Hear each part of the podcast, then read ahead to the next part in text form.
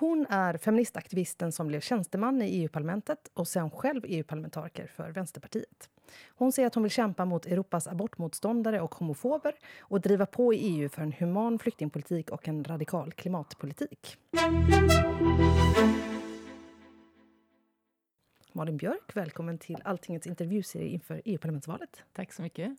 För transparensens skull ska jag säga att du och jag faktiskt har varit kollegor i några månader för över tio år sedan innan du blev EU-parlamentariker. Ja, det känns som väldigt länge sedan. Det var väldigt länge sedan.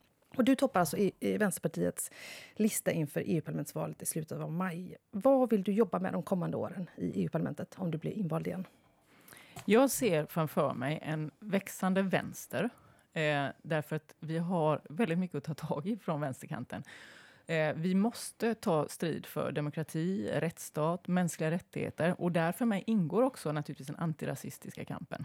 Eh, vi måste sätta stopp för dem som Orban och andra som liksom, eh, steg för steg äter sig in i det som är grunden i de demokratiska strukturerna, vare sig det är på liksom, enskilda länder eller på europeisk nivå.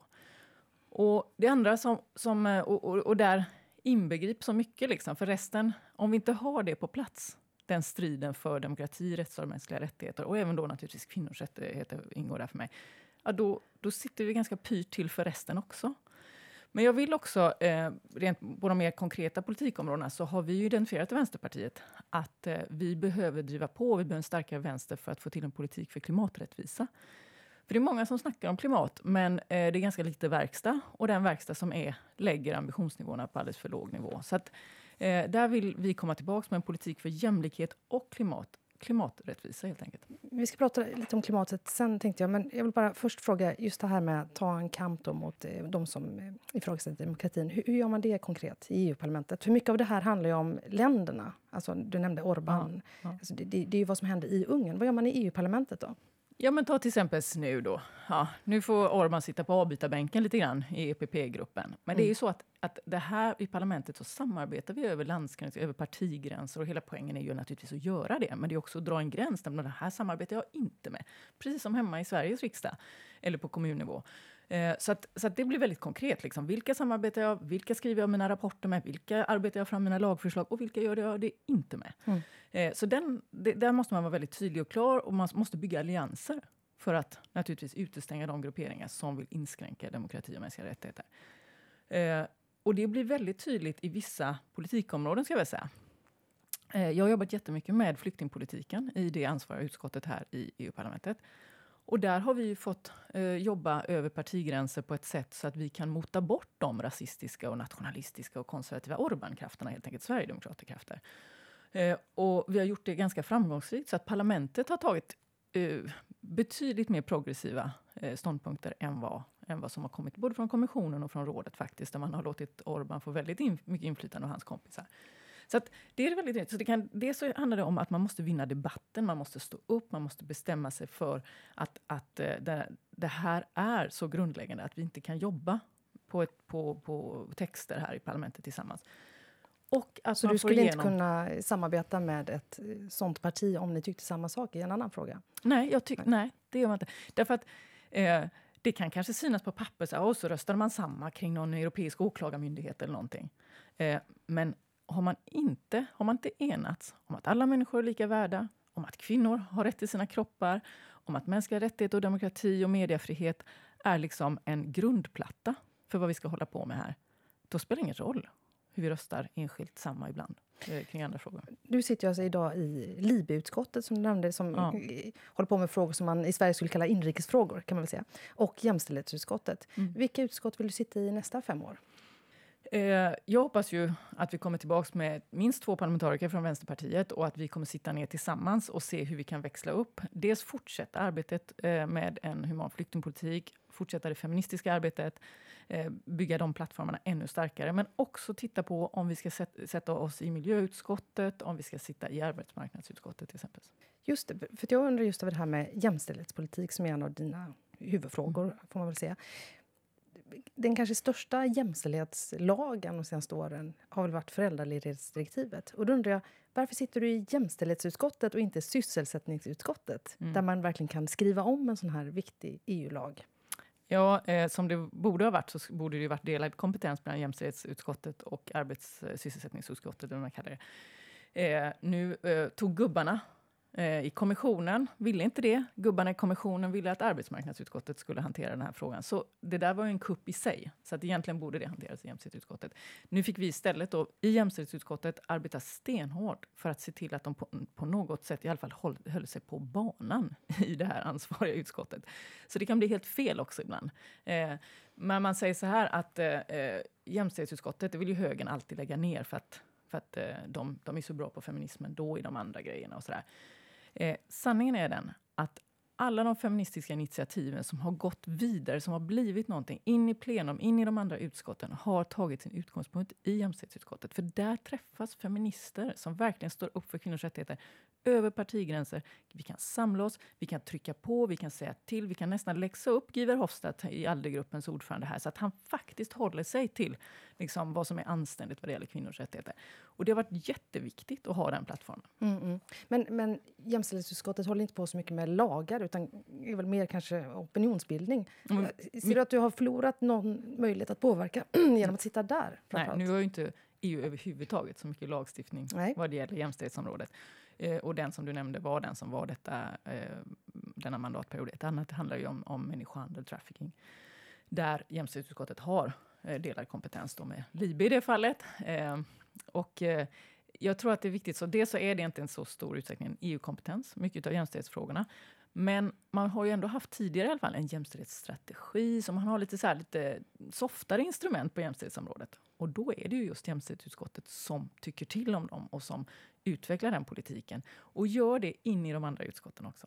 Jag skrev ju ett betänkande som handlar om feministisk handelspolitik. Så jag tycker absolut att vi som feminister ska liksom hit them where it hurts. Pengarna, budgeten, den ekonomiska politiken, eh, naturligtvis arbetsmarknadspolitiken. Eh, absolut inte bara sociala områden. Utan eh, vi, ska, vi ska driva in liksom feministiska kilar, som jag ser det, i de här. Och så, så det internationella handelsutskottet, de fick ju nästan...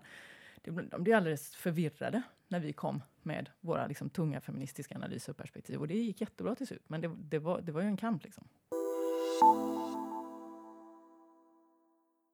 Du nämnde klimatet innan. Och eh, EU-kommissionen har lagt fram en strategi för hur EU ska bli, alltså släppa ut noll eh, koldioxidutsläpp till 2050. Tycker du att det räcker? Eh, ska man gå snabbare fram? Och eh, vad är det viktigaste ni kan göra för att få till en snabb klimatomställning? Jag tycker att det bör gå lite snabbare. Det bör det göra också enligt FNs forskare. Så det är ingenting som jag sitter och tycker själv här. Eller Vänsterpartiet själva. E EU-parlamentet har oerhört stor makt och möjlighet och ansvar att eh, stifta lagar och anta strategier som verkligen kan möta Parismålen i, i det här avseendet. Och vi från Vänsterpartiet eh, har ju dels i den mandatperiod som gått drivit på för eh, liksom det var en granskning här, de progressiva partierna vill sätta ribban högre. I varje enskild förhandling har vi velat sätta ribban högre. Jag tror att vi måste eh, dels fortsätta det arbetet, höja ribban, men vi måste också titta på vissa så här, liksom, systemförändrande eh, reformer. Och då sitter vi just nu och förhandlar långtidsbudgeten. Det är ett utmärkt tillfälle det är inte bara så att det är utmärkt, det är ett måste-tillfälle. Om vi inte tar chansen nu och säger så här, vad ska budgeten gå till och vad ska den inte gå till? Den ska inte gå, gå till klimatförstörande eh, investeringar. Vi vill ha en klimatinvesteringsbank, man gör om Europeiska investeringsbanken. Varje satsning ska liksom klimatgranskas. Är den klimatfientlig? Då ska den inte få EU-finansiering. Ja, det skulle få direkt genomslag. Vi skulle kunna eh, växla över till omställningspolitik på ett väldigt klokt och snabbt sätt. Men just långtidsbudgeten ska ju ni i EU-parlamentet rösta ja eller nej till, men ni får inte ändra i detaljerna. Det är ju länderna som utformar den. Mm. Vad, vad, kan eh, just EU-parlamentet, vad kan ni eh, lagstifta om här som, som men sen, kom, sen, sen, kommer ju vi få gå in och sitta... Vi sitter ju nu och gör om strukturfonderna. Allting från fisk, liksom, kring fisket till, till regionalfonder till eh, europeiska socialfonder och så vidare. Det är klart att vi där måste vara oerhört tydliga med klimatperspektivet. Eh, och att vi villkorar helt enkelt. Eh, så där, vi har mycket makt. Sen i den årliga budgeten kommer vi också sen kunna ställa stenhårda krav om den politiska viljan finns. Och den finns hos Vänsterpartiet. Tyvärr tycker inte jag att den finns tillräckligt eh, hos de andra eh, partierna man måste vara beredd att liksom, uh, ställa om också vad det gäller de stora de instrument vi har som har muskler, nämligen pengarna. Mm. Budgeten och reglerna, regelverken kring hur man får använda pengarna. Sen kan, sen kan EU-parlamentet också anta de här som bindande för, för utsläppen för lastbilar. Eh, man ska, inte, man ska eh, ha liksom förnybart, vi ska höja ribban, vi ska ha liksom högre procentsatser på det och så vidare. och så vidare. Men, men just vad det gäller budgeten och investeringstakten i omställning måste vi öka. Alltså putta pengarna dit, till klimatomställningen? Absolut, både mm. putta mm. pengarna dit och säga så här, vill du bygga en ny flygplats? Nej, vi ska inte bygga in oss i ett klimatfientligt transportsystem. Nej, så blir det inga mer EU-pengar till eh, småflygplatser runt om i Europa. Vill länder ändå insistera på att bygga dem, ja då kommer de väl göra det med nationella pengar. Men vi ska ju inte använda EU på det sättet. Vänsterpartiet vill ju precis som andra, alla andra svenska riksdagspartier förutom Sverigedemokraterna ha någon slags eh, mer gemensamt flyktingsystem där, mm. där Europa tar ett mm. större gemensamt ansvar. Och den här frågan har ju diskuterats flera år och har kört fast. Liksom utifrån läget, hur det ser ut idag, den här frågan, när man inte kommer någon vart. Hur tycker du att man ska gå vidare nu? Eh, jag och Vänsterpartiet har sagt eh, väldigt länge nu, ska vi säga, att eh, det har varit fegt och fel att sitta och vänta på Orban och några andra vicegradländer eh, som sen har fått sällskap av Salvini och FPÖ i Österrike. Eh, länder som inte vill göra någonting, som inte vill vara med på banan vad det gäller ett ansvarstagande och ett mottagande av, av flyktingar som kommer till Europa. Och eh, eh långt, långt tidigare så skulle man ha liksom dratt i, i eh, stoppsnöret och sagt ja men vi, då, då går vi vidare här. 15 länder, 18 länder, vi som vill verkligen få någonting gjort. Som, eh, så, så, den möjligheten har funnits där tidigare. Tyvärr har, har, har vare sig Sveriges regering eller eh, en majoritet här i Europaparlamentet valt att driva en sån linje. Jag tror att det kommer att ändras och det måste ändras. Det måste helt enkelt bli en koalition av villiga länder som inte anpassar sig till Salvinis eller Orbans utan går vidare och säger vi fixar ju det här. Vi är världens rikaste kontinent. Vi till och med, några, några av de här länderna är ju bland världens rikaste länder. Det är klart att vi ska fixa det här. Vi, går igen, vi, vi tar en, en fördelningssystem. Vi är 15, 18, 20 länder och, eh, och sätter liksom ett riktigt bra system på plats. Inte ett system som ingen är nöjd med till slut. Och som, som de här länderna har fått påverka, de rasistiska länderna har fått påverka alldeles för mycket. För bara ett par veckor sedan så var det eh, den franska presidenten Emmanuel Macron som publicerade en, eh, Vem är det? en debattartikel i många europeiska tidningar där han bland annat pratar om just det här migrationspolitiken. Och då om jag tolkar det hela rätt så föreslog han att man på något sätt skulle göra ungefär det som du föreslår nu. Men att man även skulle att Schengensystemet skulle hänga ihop med detta. Så att länder som inte eh, tar emot flyktingar inte får vara med i Schengen. Är det här ungefär så du ser den här koalitionen av villiga länder? Kan man vara med i Schengen om man inte är med i den här koalitionen, undrar jag? Eh, det, jag menar... Eh, jag, jag har inga problem med att man skulle säga att ah, men är du inte med här så får du inte vara med i Schengen heller. Men det tror jag upp en, det är en förhandlingsfråga. Det som jag inte tycker är acceptabelt är att du tar inte emot några flyktingar men du kan bidra på något annat sätt, till exempel som lite vapen och militärer vid gränserna. Det är helt oacceptabelt. Antingen man är med i det här och man tar emot och man gör det på ett värdigt sätt som, som liksom respekterar internationell flyktingrätt. Eh, men det finns inget sätt att köpa sig fri genom att betala stängsel runt Europa. så kan vi inte ha det. Får du vara med i Schengen eller inte? Jag kan tänka mig att man inte får vara med i Schengen, men då blir alla börjar rya om att varor och tjänster, hur ska det gå för dem och så vidare. Så här. Ja, fast mänskliga rättigheter och respekt för internationell lag för Vänsterpartiet går faktiskt först. Och det här med att utbytet av varor och tjänster, det kommer man lösa, för man vill så gärna lösa det också. Apropå migrationspolitik, det som vi har sett idag i brist på en överenskommelse, i brist på en politisk vilja att gå vidare med en koalition av villiga länder, så har man ju landat på någon slags minsta gemensamma nämnare. Och jag tycker att den, det är bedrövligt att den är minsta gemensamma nämnare, nämligen att man stänger gränserna. Man har outsourcats till Turkiet, man betalar då en diktator mer eller mindre för att, för att stoppa människor. Man betalar miliser i Libyen som man döper om till kustbevakning. Massa pengar för att stoppa människor. Jag var i Niger innan jul och såg hur man finansierar eh, gränsbevakningar alltså och migrationskontroll där för att stoppa människor söder om Sahara. Eh, det är också en helt oacceptabel politik. Vem vill du ska bli EU-kommissionens nästa ordförande? Eh, vi tror inte på systemet med spetskandidat, eh, men en, en stark kandidat från vänsterns sida är ju tidigare hon var med i presidentkampanjen där, Marisa Matias från Blocco Esquerda. Klok. Portugal är också ett av de enda länder som har stått emot den här destruktiva åtstramningspolitiken som man på, påhed från högern och, och även sossar här i Bryssel. Och de har gjort någonting annat. Eh, och de har gjort det väldigt väl och framgångsrikt och, och vänt den ekonomiska utvecklingen i Portugal. Så att eh, Marisa Matias skulle vara ett bra namn. Hur ser ditt dröm-EU ut om tio år? Det är eh, ett EU som har ändrat sina målsättningar till att vara ett EU som sätter klimat och människor före varor och tjänster. Och därmed också öppnat sina gränser och vara en kontinent dit man kan ta sig när man behöver skydd. Det har varit en del snack nu de senaste, senaste året om de här kontorspengarna som ni EU-parlamentariker får eh, till olika omkostnader. Och det faktum att bara du var den enda EU-parlamentarikern som visade kvitton för det här i ett första skede. Några har gjort det senare.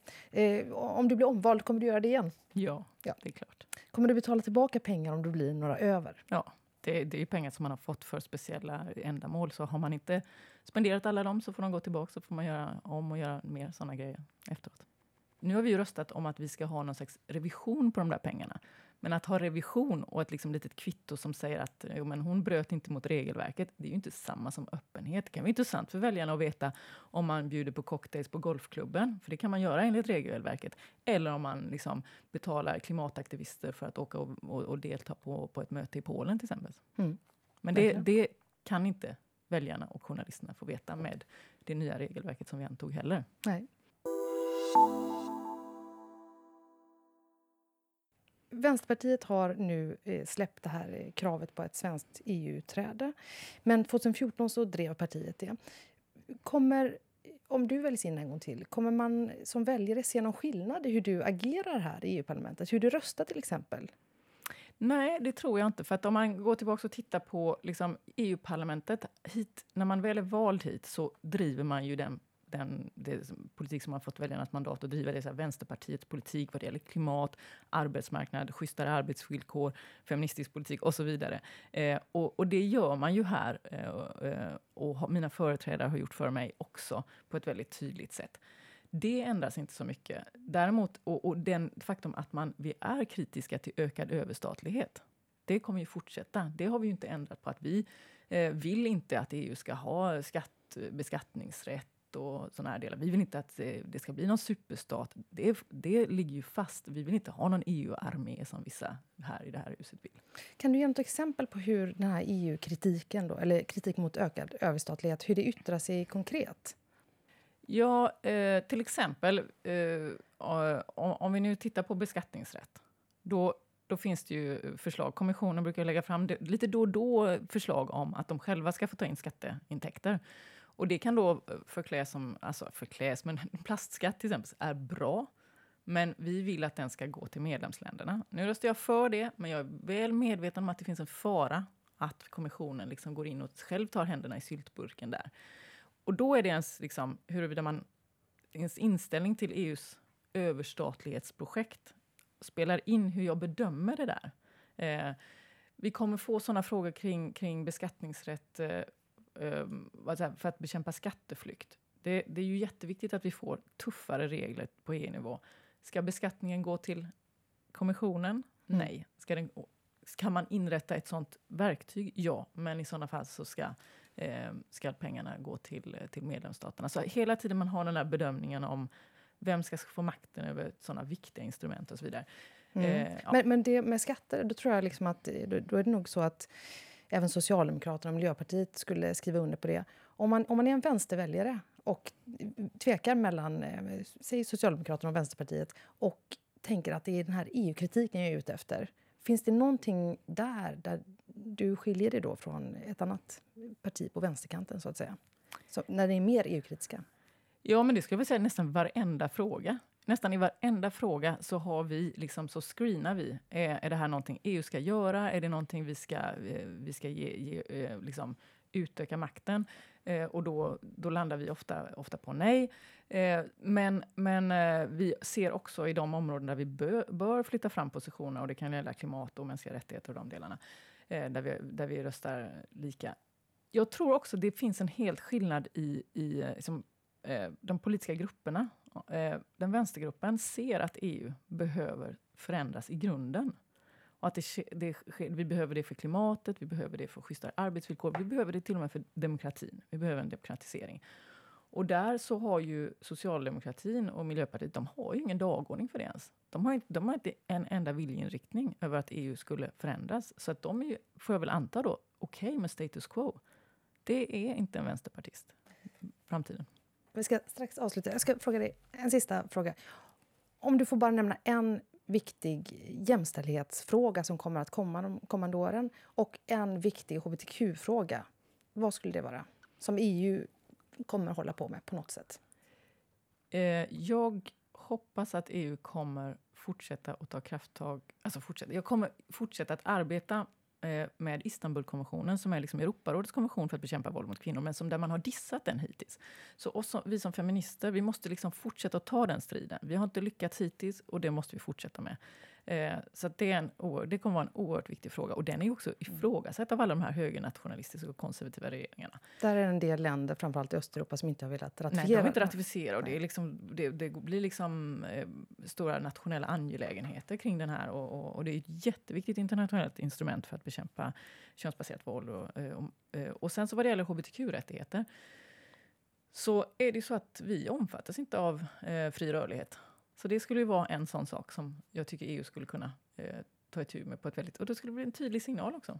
Och när du menar att inte omfattas av fri rörlighet, då menar du att till exempel ett äktenskap mellan två mm. kvinnor inte erkänns då i ett Och barnen erkänns land. inte heller. Barn. Föräldraskapet liksom. Så du, kan, du upphör att vara juridisk förälder om du, om du flyttar till vissa länder. Så. Mm. Mm. Eh, och det är ju det är någonting som jag tycker är ganska enkelt att säga att fri rörlighet omfattar faktiskt alla. Eh, men sen så hatbrott och andra saker som vi också måste eh, jobba mer med, som inte idag heller, där vi ser eh, faktiskt växande hatbrottstrend i vissa länder. Jag måste komma tillbaka till den här EU-kritiken. Mm. här. För när du säger då... Följden av det du säger om att omfattas av fri rörlighet för eh, samkönade par, det är ju då att EU centralt skulle bestämma om huruvida EU-länderna ska eh, erkänna eh, homosexuella äktenskap. Är det det du? De, alltså, om vi nu tar eh, länder som inte har, eh, som, som inte har skydd för hbtq-personer, så det är inte speciellt utvecklat. Eh, Italien eller nåt annat land, eh, Rumänien som var uppe nu. Men EU ska inte bestämma huruvida de ska inrätta eh, samkönade äktenskap. Men om någon flyttar och kommer dit för att, som ska arbeta där eh, då borde ju den personen rimligtvis i alla fall få ta med sig sin familj och förbli en familj när man landar där. Det får bli slutorden. Tack så mycket Malin Björk för att du var med i Alltingets intervjuserie inför EU-parlamentsvalet. Tack.